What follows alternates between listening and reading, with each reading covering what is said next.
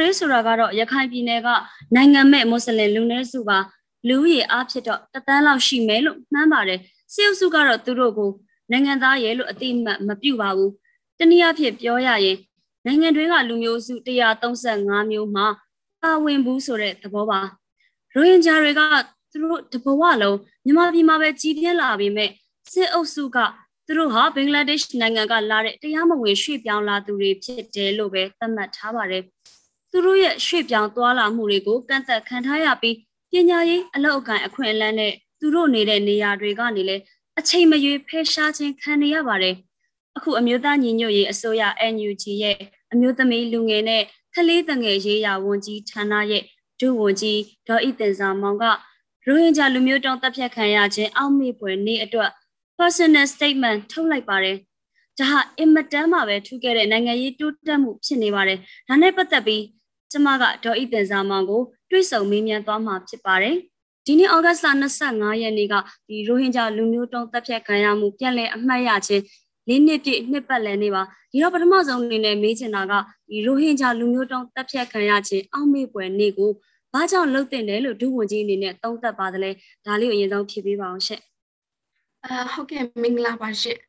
အခုလိုမိကိုဟိုဖြေချခွင့်ရတဲ့အတွက်ဒီစိတ်တင်ပါတယ် ဒီလုံးရိုဟင်ဂျာလူမျိုးစုများရဲ့နာကျင်စရာအသိဆိုးတွေကိုပြန်လဲအောင်မေ့ဝေမျှခံစားပေးခြင်းနဲ့ကျမတို့ပြန်လဲဆင်ခြင်သုံးသပ်ခြင်းကຫນွေဦးတော်လိုင်းရေးမှာတိုက်ပွဲဝင်နေတဲ့ပြည်သူတွေအတွက်အရင်အရေးကြီးပါတယ်။နောက်ပြီးကျမတို့တော်လှန်ရေးပန်းတိုင်ဖြစ်တဲ့ Federal Democracy အတွက်ခံယူချက်ပိုင်းဆိုင်ရာအစဉ်တစ်ဖြစ်နေစေဖို့ပြင်ဆင်မှုတစ်မျိုးပါပဲ။အမလို့ကျမကဒီလိုပြောရလဲဆိုရင် ကျမတို့ရဲ့လက်ရှိຫນွေဦးတော်လှန်ရေးအတွန်းရှိနေရခြင်းကလူမျိုးစုလူလူနည်းစုတွေရဲ့တသက်တအားပါဝင်ဆင်နွှဲနေတဲ့ကျမတို့နဲ့အတူတူတသက်တအားရက်တည်တိုက်ပွဲဝင်နေတဲ့အတွက်ကြောင့်ပဲဖြစ်ပါတယ်။ဆိုတော့ကျမတို့ကစီလုံးညီညွတ်မှုလို့ဆိုရင်စီလုံးညီညွတ်မှုလို့ကျွန်တော်တို့ပြောကြမယ်ဆိုရင်လူမျိုးတစုကိုဖိနှိပ်မှုကလည်းကျန်တဲ့လူမျိုးစုတွေကိုလည်းတရားမှုရှိတယ်ဆိုတဲ့စိတ်နဲ့ကူညီတဲ့စိတ်သက်ပဲဖြစ်ပါတယ်။ဒါကလည်းကျွန်တော်တို့ပြောပြောနေတဲ့ Federal Democracy ရဲ့စံတန်ဖိုးထားချက်တစ်ခုပါတယ်။တစ်ခုပါပဲ။ Federal Democracy ရဲ့ကျွန်တော်တို့တန်ဖိုးထားရမယ့်ခံယူချက်တစ်ခုပါပဲ။ဒါကြောင့်မလို့ကျွန်တော်တို့ကဒီလိုအောင်းမိဖွယ်နေ့မှာအတိတ်ကရိုဟင်ဂျာတွေဖိနှိပ်ခံစားရမှုကိုကျိုးပြည်သူလေးပြည်သူတွေကပုံမတိရှိနားလည်ပြီးတော့မှကိုချင်းစာပြီးတော့မှစစ်အာဏာရှင်စနစ်ရဲ့ဖိနှိပ်မှုအောက်ကနေအတူတူရုံးထွက်နိုင်ကြဖို့အတွက်ပဲလို့ကျွန်မကတော့ အာထင်ပါတယ်ဒါကြောင့်မလို့ကျွန်တော်တို့ကဒီလိုအောက်မေ့ပွဲနေ့ကိုပြုလုပ်တင်တယ်လို့တော့ကျွန်မကတော့သုံးသပ်ပါတယ်ရှင်ဟုတ်ကဲ့ဟုတ်ကဲ့ပါကျေးဇူးတင်ပါတယ်။ဟောပြီးတော့နောက်တစ်ခုဆက်ပြီးတော့မေးချင်တာကပေါ့နော်ဒါ NUG အစိုးရအနေနဲ့ရိုဟင်ဂျာ community ခေါင်းဆောင်တွေနဲ့ရောနိုင်ငံရေးဆွေးနွေးမှုတွေရှိနေလားရိုဟင်ဂျာတွေအတွက်ဘယ်ကိစ္စတွေကိုပေါ့နော်ဒါအလျင်အမြန်ဆောင်ရွက်ဖို့လိုအပ်နေတယ်လို့မြင်လဲပြီးတော့ဒီ NUG အနေနဲ့လုပ်နိုင်မယ်ဆိုရင်ဘယ်အရာတွေကိုအရင်ဆောင်ရွက်မလဲဒါတွေကိုသိချင်ပါတယ်ရှင့် အာပေါ့နော်ကျမရဲ့အဖြေကတော့ NUG တစ်ခုလုံးအတွက်ကတော့လွမ်းခြုံခြင်းမှာလွမ်းခြုံတယ်ပေါ့နော်ဒါပေမဲ့ကျမတဦးတယောက်ထဲအနေနဲ့တူဝင်ကြီးတဦးတယောက်ထဲအနေနဲ့အာကျမရဲ့ခံယူချက်ကတော့ရိုဟင်ဂျာ community ကကျမနဲ့အရင်ကတည်းကလည်းမစိမ့်နဲ့ပတ်ဝန်းကျင်တစ်ခုပေါ့နော်ကျမ2020ရေကောက်ပွဲစပြီးတော့မှဝင်ခရဲကနေပြီးတော့ကျမရဲ့ရေကောက်ပွဲဆောင်ပုတ်ကဖိနှိပ်ခံနေအတွက် တရားမျှတမှုအတွက်ဆိုတဲ့ဆောင်ပုတ်ကတော့ဒါကျမရဲ့ရေကောက်ပွဲဝင်တဲ့ဆောင်ပုတ်တွေထဲမှာပါတယ်ပေါ့နော်အဲ့ထဲမှာမှကျမကအဓိကအဲကျမရွေးချယ်ခံခဲ့ရရင်လုပ်မယ်ဆိုတဲ့အဓိကအကြောင်းရင်းထဲမှာဒီလူမှုလုံရေးပါတယ်လူမှုတရားမျှတမှုပါမယ်ပေါ့နော်နောက်တစ်ခုကတော့ဒီကျမတို့အဲဖွဲ့စည်းပုံအခြေခံဥပဒေနဲ့ပတ်သက်ပြီးတော့မှကျမတို့ဘယ်လိုပြင်ဆင်ပြောင်းလဲမလဲဆိုတဲ့အချက်လက်တွေပါတယ်ပေါ့နော် ဆိုတော့ပြောရမယ်ဆိုရင်အရာအစကတည်းကဒီလိုကိစ္စတွေကတော့ကျမနဲ့မစိမ့်နဲ့ပါဝင်ခြင်းတစ်ခုဖြစ်တဲ့အတွက်ကျမကတော့လက်ရှိကျမတို့ရဲ့ NUG အစိုးရပိုင်းထဲမှာဒီ Ranger Community ကပေါ့နော်အတိုင်းဝိုင်းကအရေးချင်းရှိတဲ့အမျိုးသမီးတွေလူငယ်တွေအများကြီးရောက်လာဖို့အတွက်လည်းကျမကမျှော်လင့်ပါတယ်အဲဒီဒါမှမဟုတ်ပါဘူးပေါ့နော်ကျန်တဲ့အရေးချင်းရှိတဲ့ လူနည်းစုလူမျိုးစုအမျိုးသမီးတွေလူငယ်တွေအများကြီးလဲကျတို့အစိုးရပိုင်းထဲမှာကျတို့ NUG နဲ့အတူတူပူးပေါင်းဆောင်ရွက်ဖို့လဲကျမအနေနဲ့မျှော်လင့်ပါတယ်အဲ့လိုဖြစ်လာဖို့လဲကျတို့စူးစမ်းဖို့အလိုတယ်ဆိုတဲ့အကြောင်းလေးပြောချင်ပါတယ်ရှင်ဟုတ်ကဲ့ဟုတ်ကဲ့ပါအခုလိုမျိုးဒါဒူးဝင်ကြီးရဲ့အမည်ကိုကြားသိရလို့လဲအများကြီးဝမ်းသာပါတယ်နောက်တော့ဆိုလို့ရှိရင်ဆက်ပြီးတော့မေးချင်တာကပေါ့နော်ဒါဘင်္ဂလားဒေ့ရှ်ဒုက္ခသည်စခန်းမှာဆိုလို့ရှိရင်လေရိုဟင်ဂျာက၈သိန်းကျော်ရှိတယ် နေရက်မှာကြံခဲ့တာကလည်းတသိန်းကျော်ရှိတယ်ဆိုပြီးတော့သိရတယ်ပြီးတော့အားလုံးသိတဲ့အတိုင်းပဲစေအုပ်စုကလည်းသူတို့နိုင်ငံသားဖြစ်တောင်မှအတိအမှန်မပြုဘူးပေါ့နော်ရိုဟင်ဂျာဆိုတာကလည်းသူမရှိဘူးဆိုပြီးတော့ထပ်တလဲလဲပြောထားတယ်ဒီလိုချိန်မှာကန့်သက်ချက်တွေအများကြီးရှိမယ်ဆိုတော့သိပါတယ်ဒါပေမဲ့လည်းနေရက်မှာကြံခဲ့တဲ့ရိုဟင်ဂျာတွေအတွက်ဒီပညာရေးကျန်းမာရေးနဲ့ပတ်သက်ပြီးတော့ဗောနော် NUG အစိုးရအနေနဲ့ဘာတွေများလုပ်ပေးနိုင်မလဲဆိုတာလည်းဒါသိချင်ပါတယ်ရှင့်ဟုတ်ကဲ့ကျေးဇူးတင်ပါတယ်ဆရာမရေ အဲကျမခံယူချက်ကတော့ပညာရေးနဲ့ကျန်းမာရေးဆိုတာကတော့ဒါလူတိုင်းအတွက်အကျုံးဝင်တဲ့ပညာရေးလူတိုင်းအတွက်အကျုံးဝင်တဲ့ဒါအာကျန်းမာရေးဆိုတာတွေကတော့ဒါဖြစ်ကိုဖြစ်တဲ့ကိစ္စပေါ့ဆိုတော့ကျမတို့ကဒီပညာရေးအတွက် policy တွေဆွဲတဲ့ခါကျရင်အာနောက်ကျန်းမာရေးနဲ့ပတ်သက်ပြီးတော့ကျမတို့ကမူဝါဒတွေချတဲ့ခါကျရင်ကျမတို့လူသားအားလုံးအတွက်အကျုံးဝင်တဲ့အာပေါ့နော် policy ဘိုင်းတွေမူဝါဒဘိုင်းတွေချဖို့အတွက်အရင်အရေးကြီးရဲလို့ထင်ပါတယ် ဆိုတော့လက်တလောကျမတို့တွေပညာရေးနဲ့ပတ်သက်လက်ဒါ Federal Education Federal ပညာရေးစနစ်ဆိုပြီးကျမတို့ဒါရေးဆွဲနေတဲ့ကိစ္စမျိုးတွေရှိတယ်အဲ့လိုပဲဒါကျမတို့ဒီကျန်းမာရေးနဲ့ပတ်သက်တဲ့လူတိုင်းလက်လန်းမိနိုင်မှုလူတိုင်းအကျုံးဝင်နိုင်မှုအတွက်ကျမတို့မူဝါဒပိုင်းဆိုင်ရာတွေချမှတ်နေတာရှိတယ်။တခုတော့ဒါကျွန်တော်တို့ဘက်ကအဲအားနည်းချက်ကတော့ဒါလက်တလောကျွန်တော်တို့ကမြေပြင်ပေါ်မှာလက်လန်းမိမှုကနည်းနည်းအခက်ခဲရှိတရားဖြစ်တဲ့အတွက်ဒါကတော့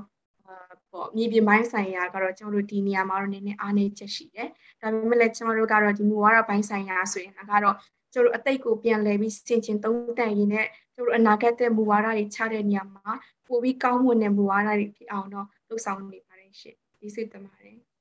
အော်ရိုဟင်ဂျာတွေကိုပေါ့နော်ဒါအခုဆိုလို့ရှိရင်လူမှုရေးအရာတင်မကပဲနဲ့နိုင်ငံရေးအရာပါ ဒါအတိမတ်ပြုမှုရအောင်လို့ NUG အစိုးရကဒါလှုပ်ဆောင်လာခဲ့တာပေါ့နော်ဒါအရင်ထူးခြားတယ်အရင်ကဆိုလို့ရှိရင်ရိုဟင်ဂျာတွေအပေါ်မှာအမြင်ကတစ်မျိုးရှိကြတယ်အာအဲ့ဒါကြောင့်အခုဒီတချို့သူတွေရဲ့စိတ်ထဲမှာပေါ့နော်ဒါကຫນွေဦးတော်လန်ယူအထောက်အကူပြုယုံပဲလားဆိုတဲ့စိုးရိမ်မှုတွေကလည်းရှိနေကြမယ်လို့ထင်ပါတယ်အာအဲ့တော့ဒီလိုအမြင်တွေပေါ့ဒုဝန်ကြီးအနေနဲ့ဘယ်လိုတုံ့ပြန်ချင်ပါသလဲဟုတ်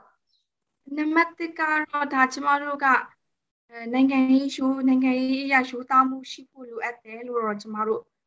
ထင်နေပေါ့နော်ဒီကိစ္စမဆိုဆုံးဖြတ်တိုင်းကျွန်တော်တို့ကနိုင်ငံရေးအရာရည်တည်ချက်မှန်ရမယ်နောက်တစ်ခုကတော့နိုင်ငံရေးအရာစဉ်းစားဆုံးဖြတ်တဲ့အခါမှာကြိုးသားမှုရှိဖို့လိုရပေါ့လူမျိုးတစ်မျိုးအာပေါ့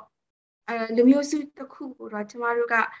တကယ်ကိုစိတ်ရင်းအမှန်နဲ့နိုင်ငံရေးအရာနေရာပေးဖို့လိုတယ်ပေါ့နော်ကျမတို့အဲ့လိုမှနေရာပေးဖို့မရှိခဲ့ဘူးဆိုရင်ဒါကျမတို့ကတစ်ဖက်နဲ့တစ်ဖက်နဲ့ဒါကျမတို့စဉ်းစား ဆရာလေးတွေပေါ်လာနိုင်တာမျိုးလေးရှိတာပေါ့ဆိုတော့ကျမတို့ကတကယ်ကိုအာနိမ့်နိကကနဲ့နိုင်ငံရေးအရကျတို့ဟိုအရေးပါတဲ့ဆုံးဖြတ်ချက်တွေချနိုင်ဖို့နိုင်ငံကြီးရကျတို့ကတကယ်ကိုစိတ်ရင်းစီတနာများနဲ့ကျတို့ကလက်သွဲခေါ်နိုင်ဖို့ကတော့အရင်အရေးကြီးတယ်ပေါ့ဒီမှာလဲကျမတို့ကတချို့အရာလေးတွေကကျတို့ဂရုတစိုက်ကင်တွေ့ရမယ့်အရာလေးရှိတယ်ဥပမာအဖြစ်တော့ဒီကျမတို့ဒီ အာပေါ်လူလူမျိုးစုတစ်ဖက်နဲ့တစ်ဖက်နဲ့ခြားထဲမှာရှိတဲ့ပဏိပခတွေကဒါလွန်ခဲ့တဲ့နှစ်ပေါင်းများစွာကတည်းကနေရှိနေကြတဲ့ပဏိပခတွေဖြစ်တယ်ပေါ့နော်ဆိုတော့ဒီပဏိပခတွေကိုကျမတို့ကဖြည့်ရှင်းတဲ့နေရာမှာအာနုညံ့ညင်တာဖို့လိုတယ်နောက်တစ်ခုကအာတကယ်ကိုပညာသားပပကျမတို့ကဆုံးဖြတ်တတ်ဖို့လိုတယ်ပေါ့နော်ဆိုတော့အကယ်၍ကျမတို့ကဒီလိုမျိုးတာ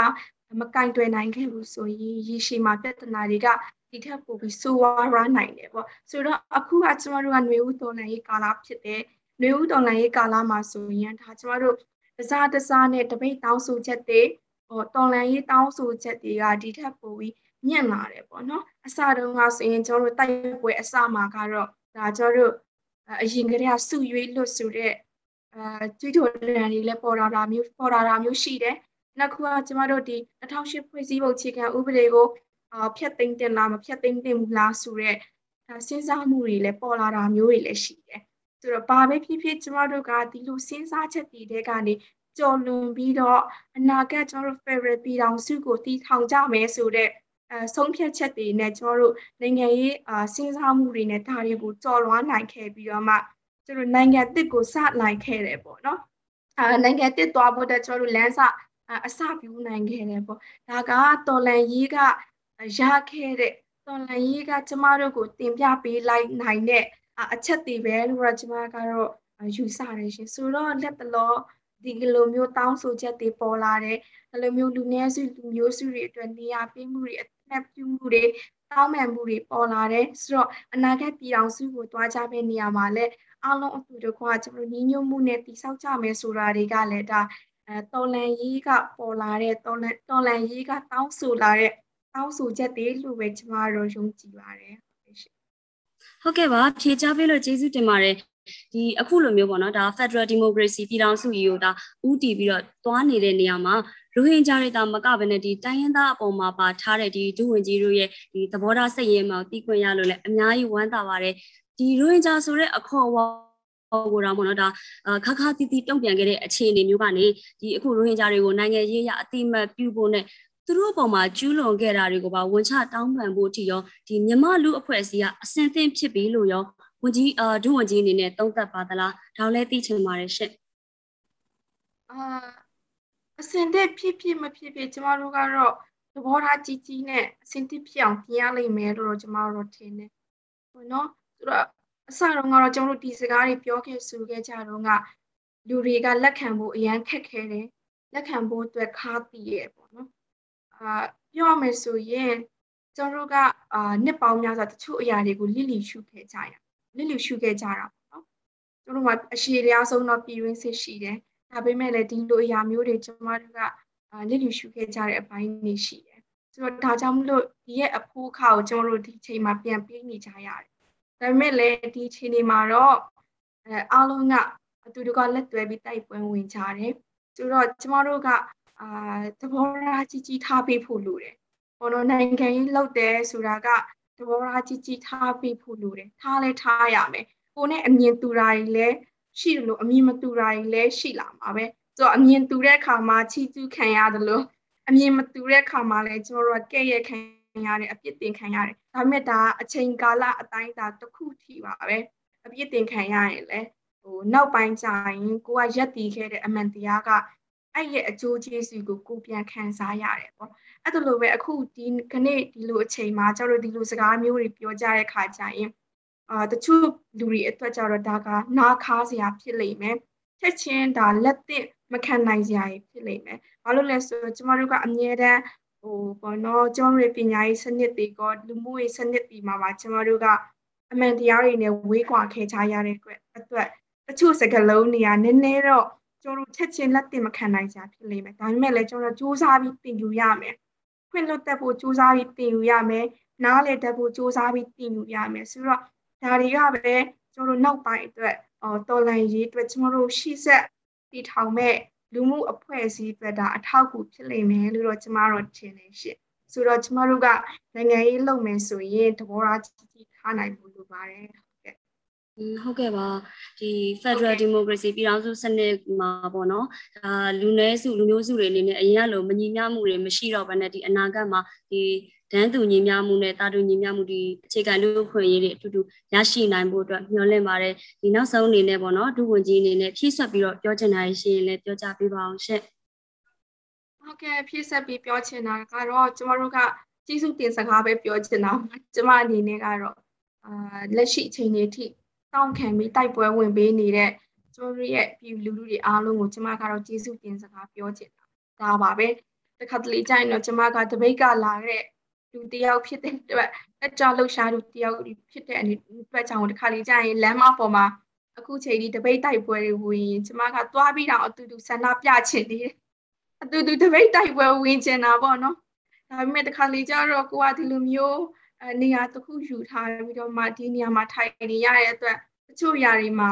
ပြည်လူထုနေတူပဲကျမလည်းအားမရတာမျိုးတွေရှိတယ်။မြင်မြန်ဖြစ်စီခြင်းတဲ့ဆန္ဒတွေလည်းရှိတယ်။ဒါပေမဲ့ကျမတို့ကအချိန်ယူပြီးလုပ်ရတဲ့အရာတွေလည်းရှိရဲ့အတွက်အခုချိန်ထိကျမတို့ကိုနားလည်မှုပေးပြီးတော့မှာပေါ့နော်။တောက်ခံပေးတဲ့ကျမရဲ့ပြည်လူထုတွေအားလုံးကိုကျမတို့ကျေးဇူးတင်ပါတယ်။ကျမတို့အနေနဲ့ကျမအနေနဲ့လည်းဟိုပြည်လူထုရဲ့စကားတွေကျမတို့အခုထိ အာနာခံနေတယ်အာပြီးတော့မှလိုချင်တဲ့အရာကိုကျွန်တော်အမြန်ဆုံးယူပေးနိုင်ဖို့လဲစူးစမ်းနေရပေါ့နော်အမြန်ဆုံးယူနိုင်ဖို့လဲကျွန်တော်တို့အစဉ်သင့်ပြင်နေပါတယ်ဆိုတဲ့အကြောင်းလေးသင်စားပါပြကြဟုတ်ကဲ့ပါကျေးဇူးတင်ပါတယ်ရှင်ဟုတ်ဟုတ်ကဲ့ရှင်ကျေးဇူးတင်ပါတယ်